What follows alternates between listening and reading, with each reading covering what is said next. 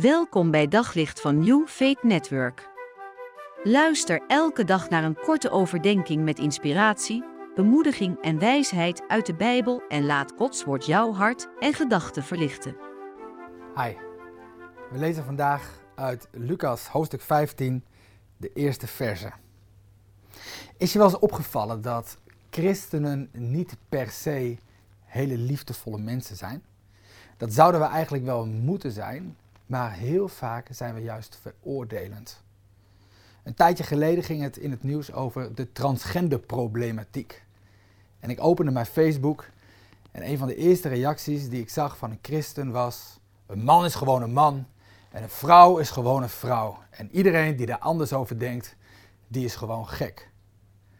En toen dacht ik, wat klinkt dat lekker liefdevol. Ben je in gesprek geweest met de mensen die daar aan lijden? Heb je de tranen gezien in de ogen van ouders die een kind kapot zien gaan in een lichaam waar het zich niet in thuis voelt?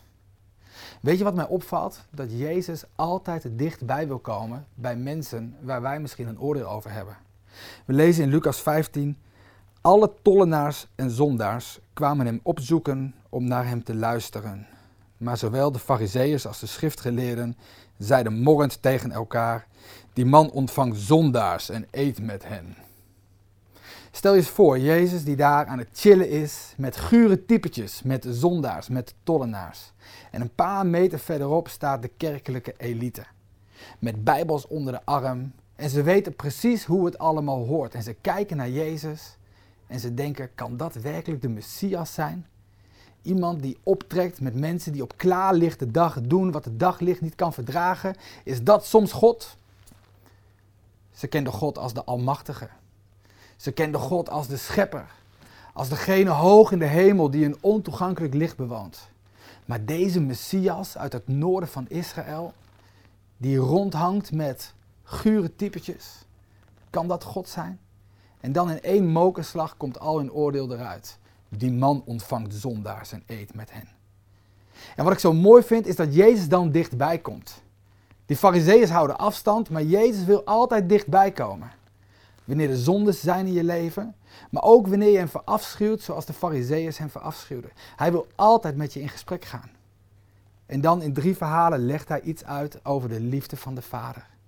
In het eerste verhaal is de vader een schaapsherder die op zoek gaat naar zijn verloren schaap. In het tweede verhaal wordt duidelijk hoe ongelooflijk waardevol wij zijn voor God.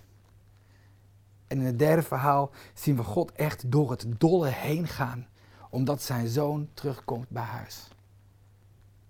En eigenlijk zegt Jezus, Gods hart staat open voor mensen die wij veroordelen. Misschien veroordeel je jezelf wel en heb jij die knuffel uit de hemel nodig. Maar misschien zit je ook vol oordeel over andere mensen. Dan hoop ik dat je hart zal opengaan voor de dingen waar het hart voor God voor klopt. Dat je oordeel naast je neer zult leggen. En dat je vanaf vandaag een liefdevol mens zult zijn. Dat Gods liefde door jou heen mag stromen. Daar zegen ik je mee.